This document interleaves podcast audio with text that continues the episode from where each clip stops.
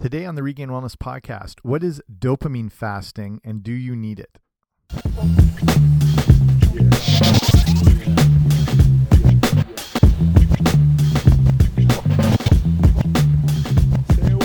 Hey there, what's happening? Welcome back to the Regained Wellness podcast. I'm Jamie. I run regainedwellness.com. Head over there and check that out. But this is the Regained Wellness podcast. So if you're looking for that, you came to the right place.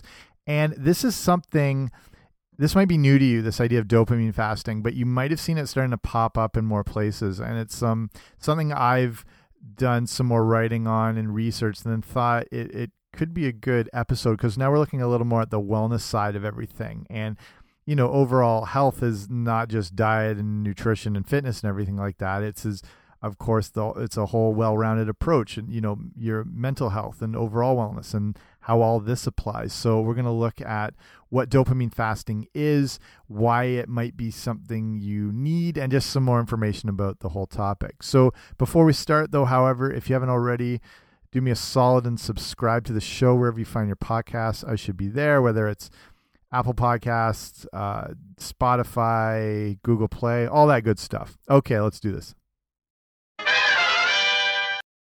So fasting, of course, is you know it's been around forever, but it's become very popular lately. Whether it's intermittent fasting, time restricted eating, uh, eat, stop, eat, all the different the forms. But it, it's not just nutrition fasting that can improve your health. Dopamine fasting can too, and you know it's that idea when we're looking at regular uh, fasting, whether it's you know time restricted or whatever the or intermittent. There, there are tremendous health benefits that come along with it. In that case, you're looking at weight loss, better hormonal profiles, better insulin sensitivity, better cognitive function.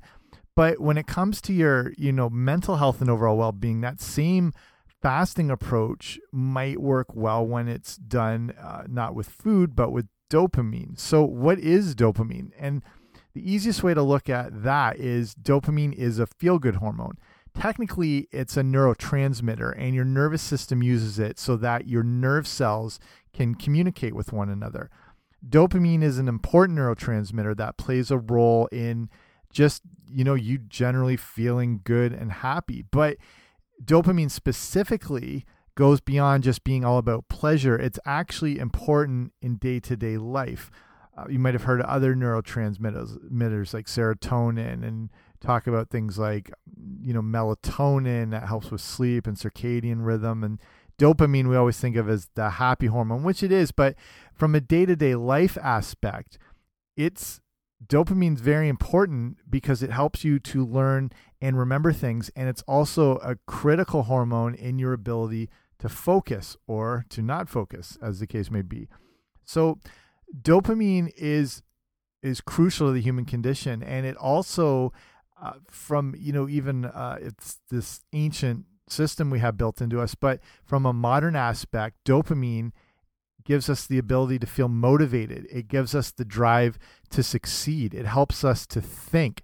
It helps us to plan things out. And again, there's always an evolutionary aspect to some of this, and it's usually always based around survival. So the aspect of, you know, thinking to plan things out where so you're not killed, you would know better to walk into a herd of wild wildebeest or something like that, or you would work the way to get around them or to um, find the best ways to find food or water or whatever. So those things have evolved today where the ability to plan things out can help you in your personal life and your financial success and your work and all that sort of thing. So we find ways to adapt to this.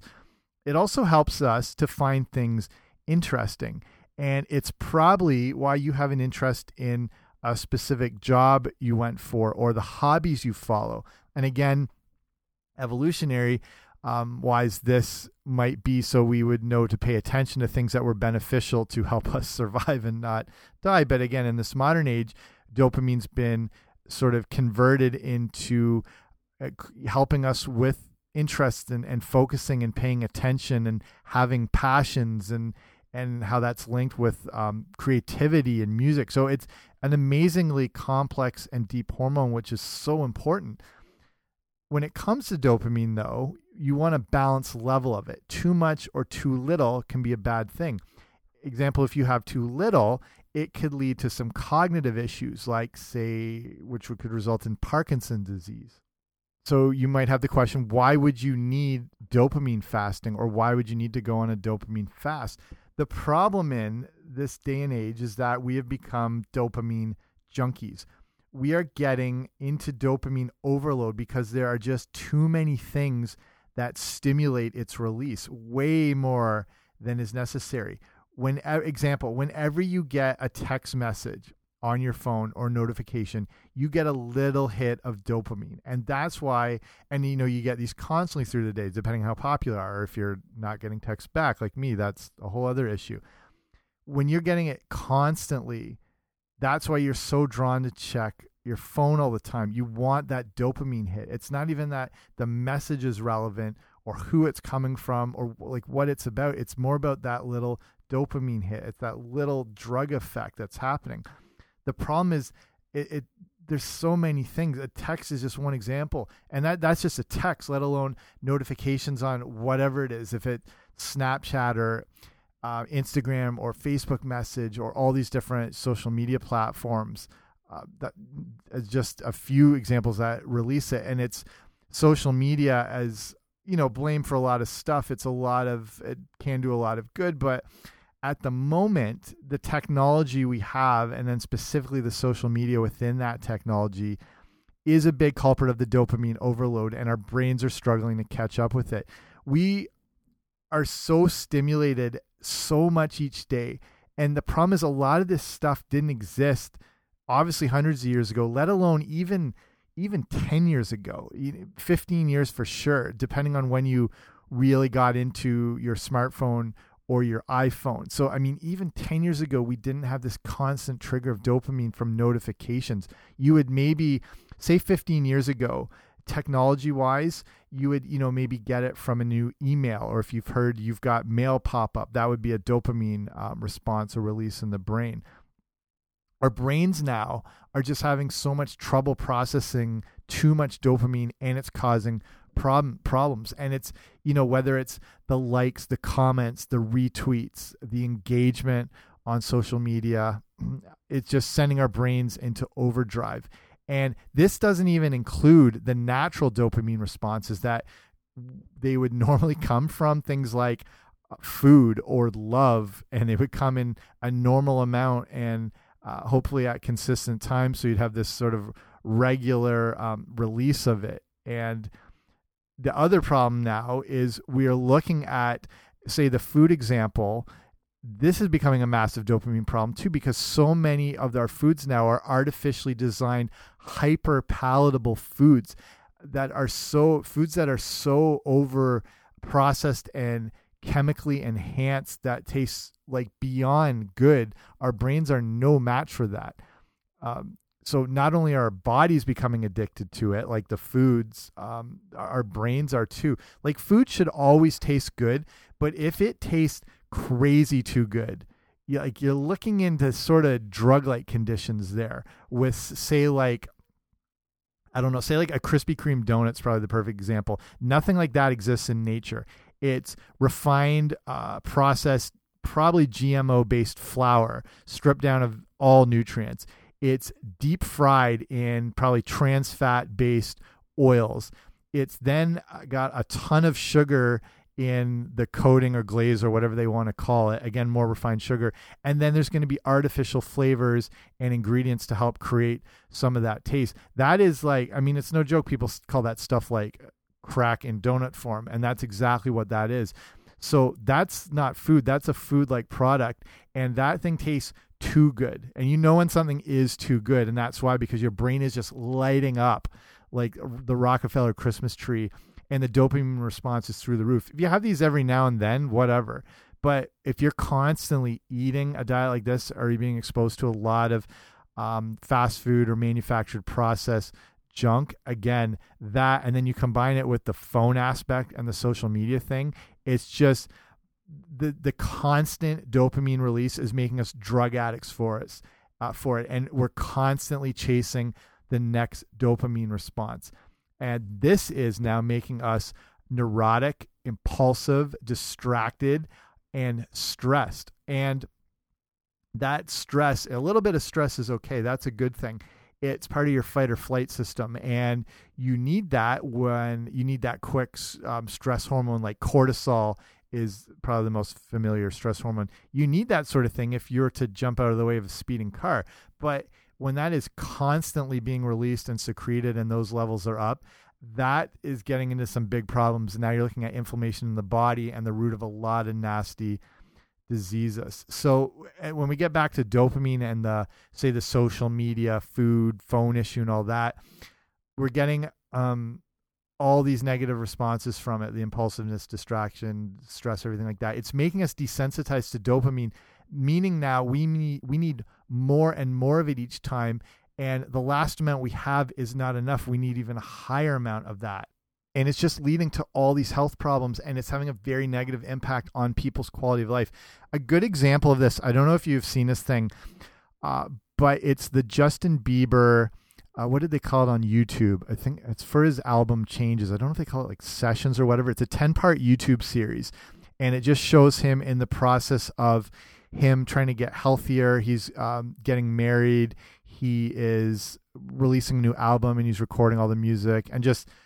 I'm from the same town as Bieber. I don't know if you've listened to the show before. He was born in the same hospital, so he's sort of the hometown boy. But one of the aspects of the show is they were showing how burnt out this guy's brain was because if you're it's a bizarre thing the idea of like an individual pop star and fame. I mean it happens in in group aspects but there's only a handful of people in history um we're like if we're looking at like elvis or michael jackson or people that uh, justin bieber who have stood in front of a hundred thousand people who are screaming and worshiping you in one spot. Like, can you imagine what that does to your brain and your brain chemistry?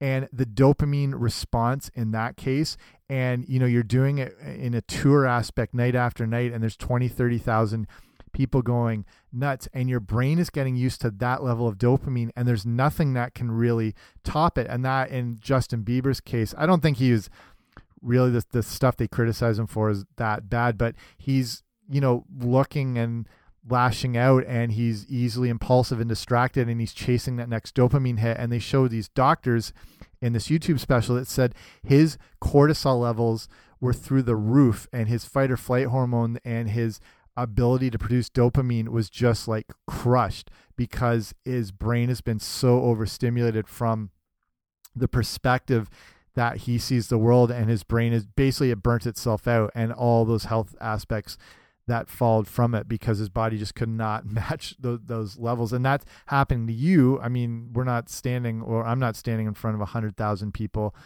um, screaming for me, maybe like one. And that we're getting that on a smaller scale with our lifestyle and the phones and social media and food like that. So the same effect still can happen to you, maybe not at that extreme, but the health consequences are extremely real. Like I said, if, if you're feeling just uh, stressed and run down and then you're getting neurotic and impulsive, it's it's all it's all related to brain chemistry. We're we're so controlled by our hormones, specifically dopamine. So how does a dopamine fast work? Experts say that the only way to level out these sky high levels of dopamine is to have to take a, a break from them or a fast from them. And there are a few approaches approaches this, including fasting from a dopamine response for say a few hours or a few days or even a week. If you constantly need to check social media and you find yourself just like mindlessly scrolling um, picking up your phone wanting to get that little dopamine hit or if you're always like say online shopping or again you're craving all these sugary based junk foods probably a good sign you need uh, maybe a little bit of this uh, dopamine break and give your brain a little bit of a reset. So there is a neuroscientist named don vaughn which is the sweetest name ever. Uh, he said the best way to approach dopamine fasting is to find out how much time away from all this stimulating stuff is best for you the approach you take can also be determined by what type of person you are. So you're probably familiar with, you know, where you're at. If you're an introvert, you could be best served by, uh, you know, putting down your phone, um, whatever, stepping away from the technology and then reading a book or taking a long walk out in nature and you know yourself if, if being by yourself um, appeals to you more that's a good way to approach the fast if you're an extrovert you may prefer some social interaction and get that important face-to-face interaction instead of through a screen so that means uh, ditching the phone for a few hours and then meeting someone for coffee or whatever. And again, you know what type of person you are, you know what resonates best with you. So that's a good way to approach it. Whatever type of person you are, you need to find a distraction that you genuinely find interesting. But the important thing is that it gets you away from all those overly compelling distractions. So what looks best and you know like with most things is to start small and start with that short dopamine fast. Just take a few hours away from your phone or anything that's to it, it doesn't always have to be the phone necessarily if whatever form of te technology you know where you're you're sort of like craving it too much and you know what what it is so from there you can start to you know extend things a little further and then you know maybe turn your phone off at night so you're not to, tempted to check it at all hours I, I put my phone into airplane mode at around like 11 and then don't turn that on until a little after I've woken up. So, you know, if you do wake up in the night, you automatically reach for your uh, phone and that helps prevent that. You know, it might even be best to wait until an hour after you've woken up before you check your phone and before you check your emails and whatever. And uh, that that's a good tip too at the email thing depending on how busy you are your line of work or you know if if there's something that's extremely pressing and you know you're waiting for that in the morning whatever but they also say it's a good idea in the email front is especially if it's say work related emails or things anytime you get an email it's usually a demand of you it, it's very rarely is it someone like just reaching out to say hi. The person on the other end of the email generally wants something so especially if it's obviously work related so it's a good idea not to check those things first thing because then that does elevate your stress hormones a bit from the day because now you're having to deal with that um, and give sort of that that mental exertion towards whatever it is. And you know you'll you'll have to do that at some point but better not doing that right away because that can sort of set the day off stress hormone wise on the wrong foot. So give it a little break and that can help maybe balance those uh, a little better through the day. From there you can start looking at you know a few days trying to avoid all forms of social media cut out junk foods completely any overstimulating thing so do a trial run with these different approaches and then you know maybe make a note of what feels best for you. And if you maybe are better taking that uh, few hours break two to three times a week or if you do better where it's like you just unplug for an entire day once a week you know just, just experiment and see how you respond to all that Okay, let's start wrapping it up here. So it's an interesting topic. So this might be brand new to you, or you might have you know started uh, slightly looking into it. But dopamine fasting really appears to work, and there obviously there's no secret that we are bombarded with way too much stimulation through technology and a fast-paced environment. And dopamine fasting can not only be a great way to help reset this powerful neurotransmitter um, and then help to sort of ward off, you know, those feelings of impulsiveness and distraction and stress, um, and then allow dopamine to work the way it's supposed to. And again, helping you with um, thought and cognitive function and memory um, and, and focus and passions and all that sort of thing. And you might come to find you prefer stepping away from everything that's that's too addicting. And I'm like I'm far from the the spokesperson for this, but I'm getting to the point now where like I do try to leave my phone at home if I'm going out. Um, if it's you know you know if you ever panic because you don't have your phone on you. Uh, and and you freak out and you feel like you've got to go back and get it or if it's at home you're like I don't know if I can physically function without it I've I've done that all the time like got to the gym and realized uh, I forgot it or I got inside and left it in the car. And you have this mini freak out over the thing. But I've started to get to the point where, you know, if I'm gone for a couple hours or I'm doing whatever, have to just errands, and I'll just leave it at home. And again, like I said, turning it off at night so I'm not checking it, you know, and th that's still a probably work in progress too. But a lot of things um, you can easily start to implement. It again, and this is also a great time uh, to get back out in nature if you're taking this dopamine fast, you know, do the full thing. Get out there, feed your body the freshest, cleanest, most natural things you can at the same time, and you know, give your brain a fighting chance. This this whole thing, I think your body and your mind will thank you for it. Okay, that's it for me. Thanks for listening. I appreciate you taking the time to check this out. Again, if you haven't already, subscribe wherever you find your podcast. I should be there. If you really like it, give it a rating, review, all that fun stuff that helps out the show even more. But I appreciate you, appreciate you taking the time, and I'll talk to you soon. Bye.